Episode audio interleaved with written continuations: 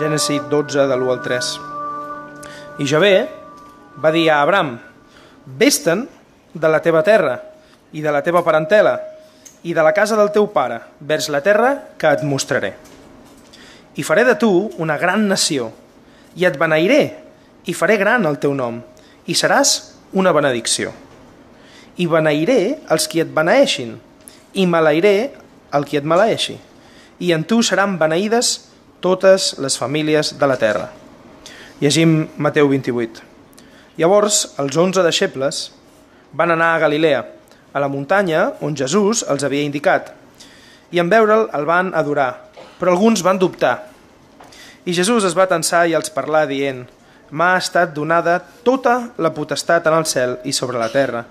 Aneu, doncs, i instruïu tots els pobles, batejant-los en el nom del Pare i del Fill i de l'Esperit Sant, ensenyant-los a guardar totes les coses que us he manat. I heus aquí, jo sóc amb vosaltres tots els dies fins a la fi del temps. Amén. Aquesta és la paraula del Senyor. Hola i benvingut al podcast de Ciutat Nova, una església protestant al barri 22 arroba de Barcelona.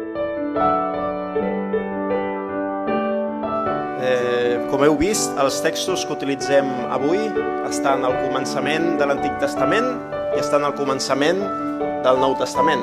Eh? Gènesi, Mateu, i realment aquesta és una predicació diferent a les que fem normalment perquè és una predicació que serà temàtica, perquè estem treballant en una sèrie en la que parlem de quin és el sentit, el significat, el propòsit de l'Església i um, aquest diumenge i el diumenge que ve continuarem parlant eh, sobre l'Església, el per què de l'Església. Estem en un moment en el que és bo que refresquem el per què de la nostra comunitat local, de la nostra església local aquí a Ciutat Nova, 22 arroba, i és bo que veiem què és el que ens diu la Bíblia sobre el per què de l'església.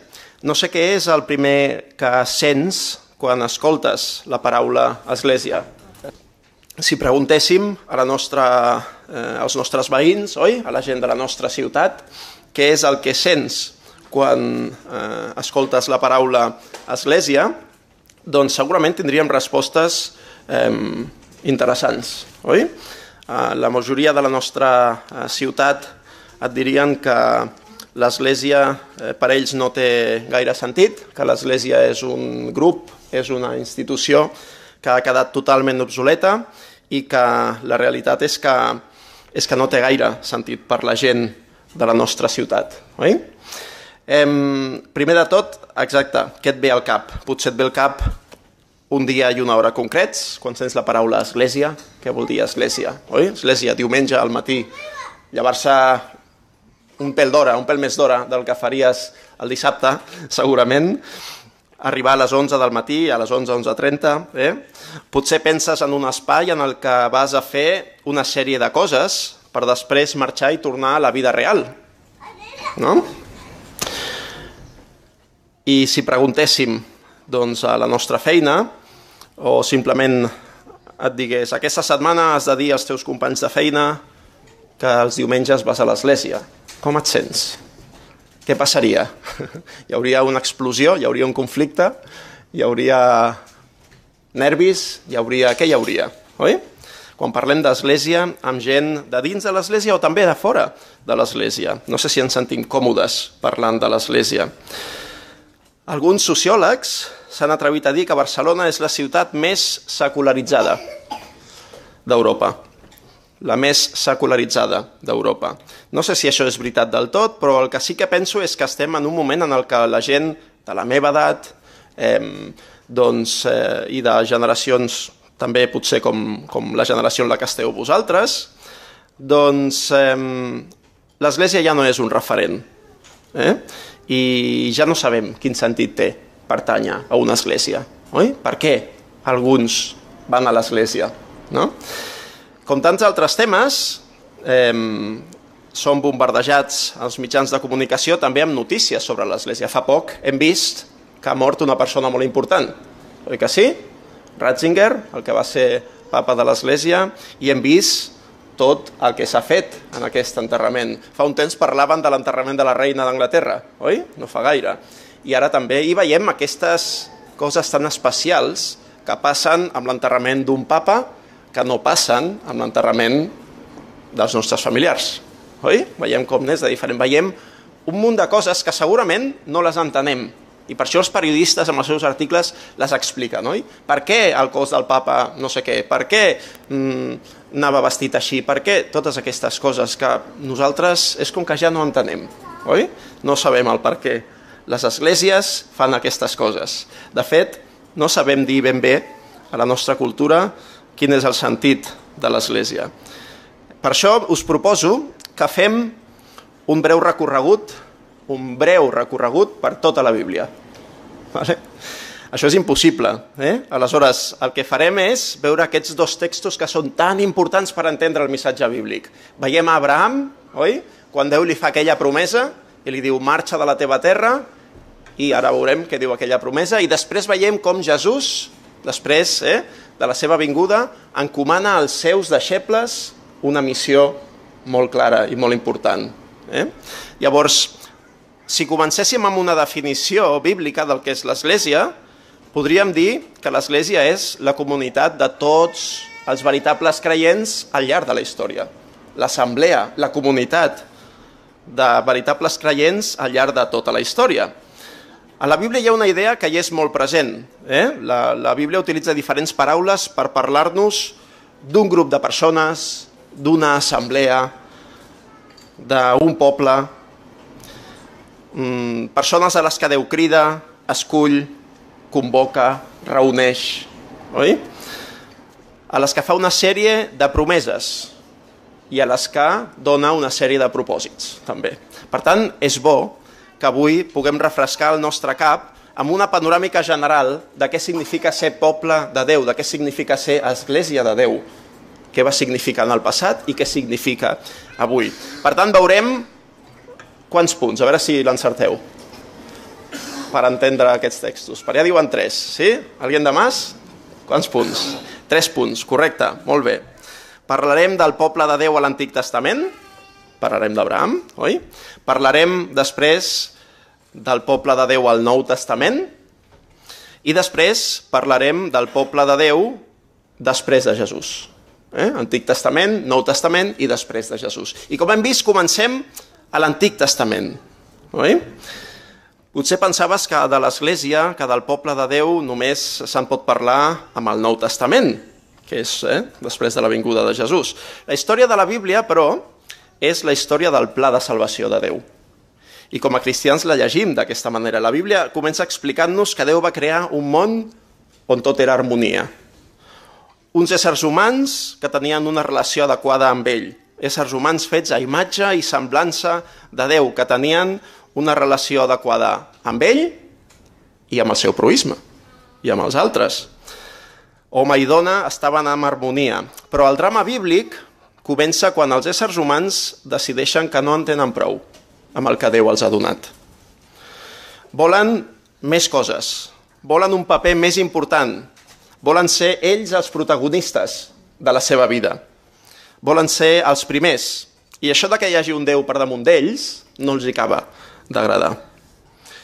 Volen ocupar el lloc de Déu i és per això que revelen home i dona amb l'ajuda d'aquella inestimable serp, amb la inestimable ajuda d'aquella serp misteriosa, i es rebel·len en contra de Déu. I des de llavors la Bíblia, que això passa molt al començament, és el relat de com Déu busca solucionar aquesta rebel·lió, el problema que suposa aquesta rebel·lió. Perquè aquella rebel·lió va tenir conseqüències, oi? Va tenir conseqüències. I això és molt important, perquè la Bíblia ens explica com la humanitat viu avui en dia amb les conseqüències de la rebel·lió dels éssers humans. Aquells, Adam i Eva, ens representen a tu i a mi, oi? Algú em deia aquest matí, és que papa, després de fer alguna cosa que no estava bé, jo no sé per què Déu ha creat el pecat. És que si no l'hagués creat jo no hagués fet això. Oi? com a excusa, déu nhi eh? No? Teològica, eh? profunda. Déu no és el creador del mal, Déu no és el creador del pecat. els éssers humans som responsables i les coses que fem tenen conseqüències. Que aquesta és una cosa que també estava parlant amb aquesta mateixa persona aquest matí, oi? Conseqüències. I quines són les conseqüències d'aquesta rebel·lió? En el nostre món hi trobem mort, hi trobem injustícia, hi trobem mal, hi trobem guerres, desastres naturals, malalties, decepcions. Podria continuar, però no us vull deprimir massa tampoc, oi? Acabem de començar la predicació. Però la bona notícia és que Déu no permetrà que aquesta decadència tingui l'última paraula. I per això Déu idea un pla. Déu idea un pla de salvació per l'ésser humà. I un dels moments més importants d'aquest pla és quan Déu s'acosta a un tal Abraham i li diu això, oi? Llegim a Gènesi, capítol 12, versets de l'1 al 3. Gènesi 12, de l'1 al 3. I li diu això que ens ha llegit el Bladi, que tornem a llegir. Javé va dir a Abraham, vés-te'n de la teva terra i de la teva parentela i de la casa del teu pare vers la terra que et mostraré. I faré de tu una gran nació i et beneiré i faré gran el teu nom i seràs una benedicció. I beneiré els qui et beneeixin i maleiré els qui et maleeixin. I en tu seran beneïdes totes les famílies de la terra. Potser quan llegeixes aquest text per primer cop penses, bon, Déu li fa una promesa a una persona, què té això d'especial, no? Però després veus al llarg de la Bíblia i també en el Nou Testament com aquesta promesa és fonamental per al pla de salvació de Déu. Al vell mig del pla de salvació de Déu hi ha la promesa de Déu. Perquè és així com Déu salvarà la nostra creació, a través de la seva promesa i del compliment d'aquesta promesa. El Déu de la Bíblia és el Déu de la promesa, és el Déu del pacte, que fa un pacte amb els éssers humans. I la reunió d'un grup de gent, la creació d'un poble, a través del qual durà a terme els seus propòsits de salvació per a tots els pobles del món, és central a l'Antic Testament i també en el Nou. I és per això que l'Antic Testament, aquest conjunt de llibres tan desconeguts avui dia, ens parla d'Israel, d'aquest poble escollit i de la seva història. Israel no és un poble perfecte i al llarg del temps i dels segles Déu ha de corregir i ha de parlar amb molta duresa al seu poble. De fet, si penses que la idea de ser el poble escollit de Déu és un xollo, només has de llegir el que diu l'Antic Testament. El poble de Déu va ser infidel moltes vegades.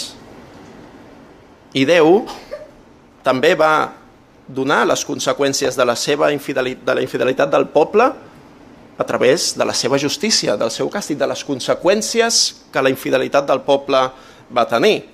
El poble de Déu no surt en aquest llibre com un poble ideal que ho fa tot bé. És important que tinguem en compte això. Potser penses que quan llegeixis la Bíblia et, pots, et trobaràs amb uns relats ideals de les persones que creuen en Déu, oi? Relats ideals dels grans homes de Déu. Doncs ben al contrari, et recomano que ho llegeixis, perquè tu mateix puguis veure o tu mateixa puguis veure com la Bíblia és un llibre realista i crític amb el que el poble de Déu ha fet al llarg de la història. Si busques una crítica a les comunitats religioses, la Bíblia és un llibre crític amb el poble escollit de Déu. Per tant, Déu tria un poble, a través del qual vol beneir a tot el món. I si continues llegint la Bíblia, trobaràs que després de l'Antic Testament els cristians hi tenim el Nou Testament. I això ja ens agrada més, no? Ja l'entenem una mica més bé, el Nou Testament. Ja se'ns fa més fàcil de llegir, oi? L'Antic Testament, eh, per entendre-ho, és eh, la història del pla de salvació abans de Jesús. I el Nou Testament és la continuació d'aquest pla de salvació després de la vinguda del fill de Déu, de Jesús dues perspectives d'un mateix pla. Dues perspectives d'un mateix pla de salvació. El mateix pla de salvació vist des de llocs diferents, eh? des del davant, des del darrere. Per tant, això és el que trobem en un primer moment a l'Antic Testament. Déu crida a Abraham i li dona un propòsit i li fa unes promeses. I aquestes promeses veurem com es compleixen en el Nou Testament. Però en el Nou Testament també hi ha promeses, el poble de Déu al Nou Testament. La setmana passada vam estar parlant de la promesa eh, que Jesús li fa a Pere, l'apòstol Pere. Eh? Quan deixem l'Antic Testament i anem al Nou, ens trobem en un altre moment culminant en el pla de salvació de Déu.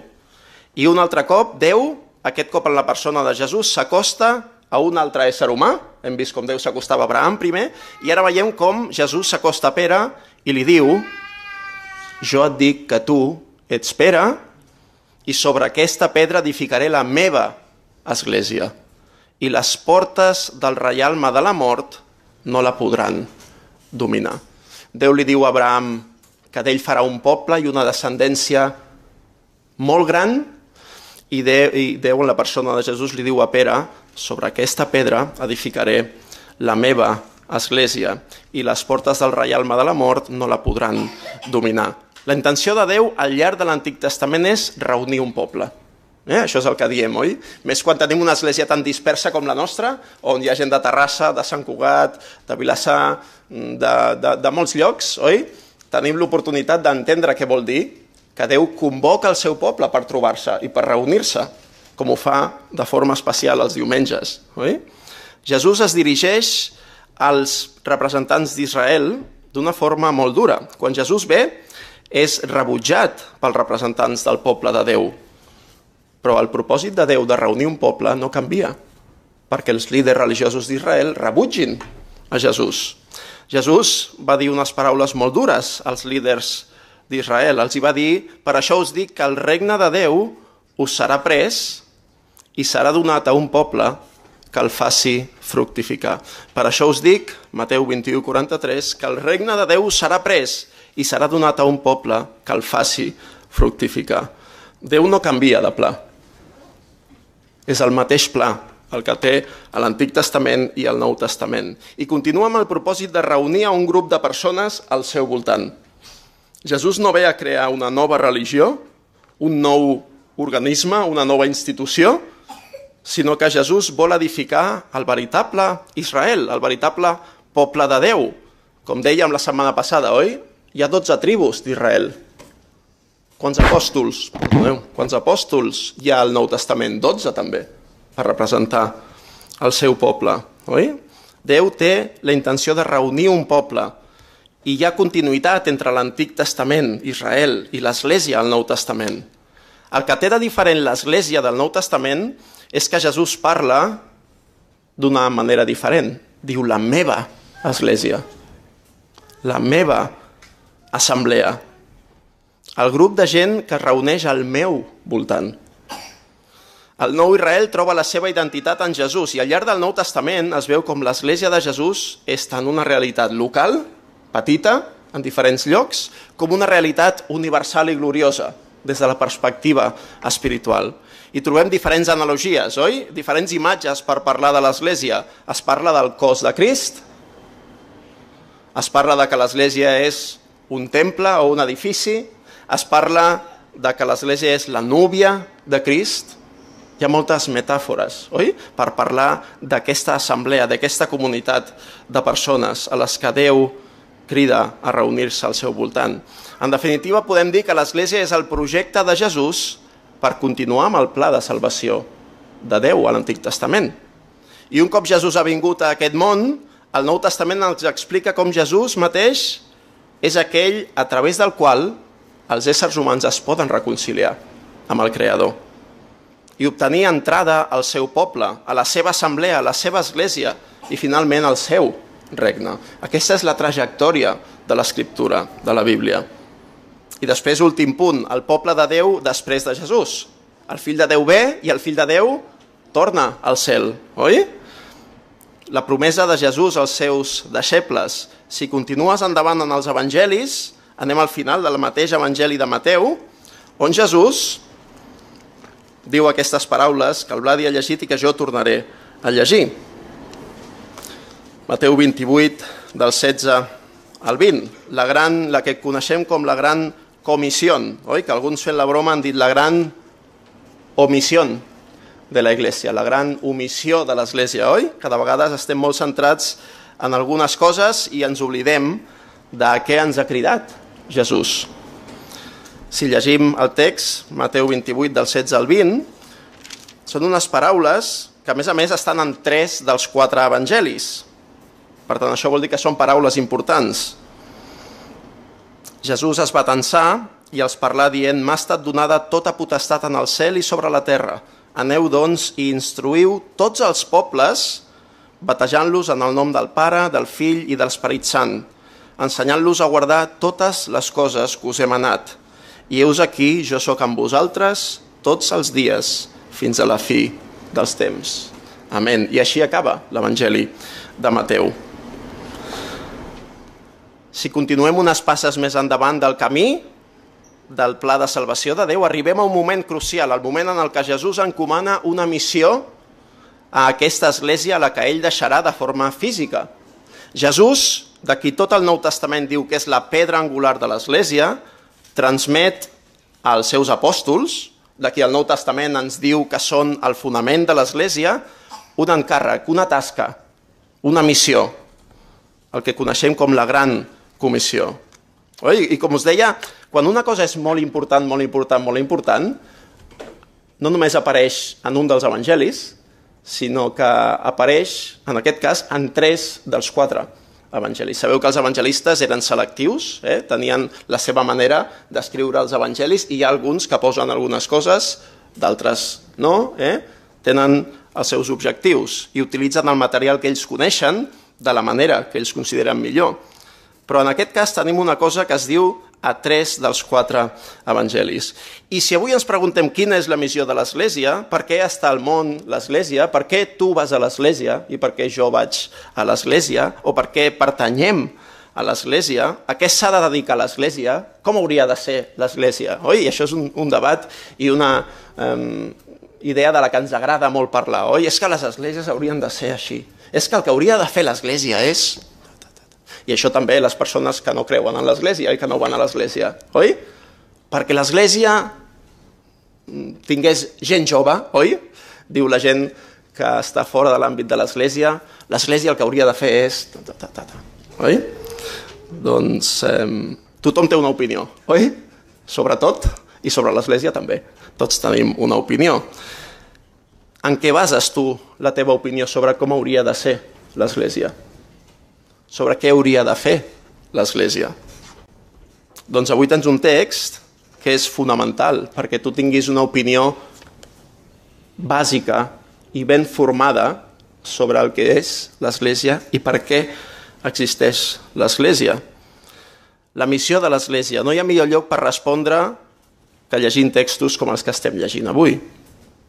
Jesús reuneix els seus i els hi diu quina ha de ser la seva missió. I fixa't que Jesús el que fa és els hi diu una veritat, jo tinc poder, jo tinc autoritat, els hi dona una tasca, feu deixebles, feu deixebles, i els hi fa una promesa, jo sóc amb vosaltres per sempre. Jo tinc autoritat, feu deixebles, jo sóc amb vosaltres per sempre. Vols saber com l'Església va posar en pràctica aquesta missió? Doncs hauràs de llegir el fet dels apòstols, els fets dels apòstols, jo no t'ho llegiré avui, eh? Ho hauràs de fer tu. Han passat moltes coses des de que els textos que hem llegit avui van ser escrits. I si veiem el que han fet les esglésies al llarg de la història, no ens ha d'estranyar que algú ens pugui preguntar i vosaltres encara us queden ganes de formar part d'aquest grup? Si mires a la història, i potser també si mires a la nostra experiència, és fàcil que et desanimis i que no tinguis gaires ganes de formar part d'aquesta assemblea, d'aquesta comunitat que és l'Església, oi? Però no ens quedem amb això. Anem a la paraula a veure què és el que Déu mateix diu. Si formes part de l'Església de Déu, recorda, com hem fet avui, quin és el sentit que té ser poble de Déu milers i milers d'anys que Déu té aquest propòsit i que està tirant endavant aquest propòsit de tenir un poble per ell. I tu i jo avui tenim el privilegi de, a través de posar la nostra fe en Jesús, formar part d'aquest poble. Recorda com n'és de gran el privilegi de ser membres de la comunitat última, de la nova comunitat de Déu, de ser germans per la fe de gent com Abraham, com Pere, com la resta dels apòstols, recorda que només a través del sacrifici de Crist has pogut entrar a formar part d'aquest grup. I recorda la promesa i el propòsit de Déu. El poble de Déu, l'assemblea de Déu, l'església de Déu, amb tots els seus defectes, amb totes les seves imperfeccions, és el grup que ha rebut el regal més valuós que existeix i que existirà mai, el perdó de pecats i la vida eterna. Vida eterna la presència d'aquell Déu que és la font de tota bellesa, de tota alegria, de tota bondat, de tota santedat. En aquest recorregut estem veient i hem vist com Déu vol tenir un poble. I per més que el poble falla, Déu continua amb la intenció de tenir un poble. I si aquests el rebutgen, doncs va buscar-ne uns altres. Oi? I Déu du a terme els seus propòsits a través d'un poble. Formes part, tu, d'aquest poble? Et motiva a formar part d'aquest poble?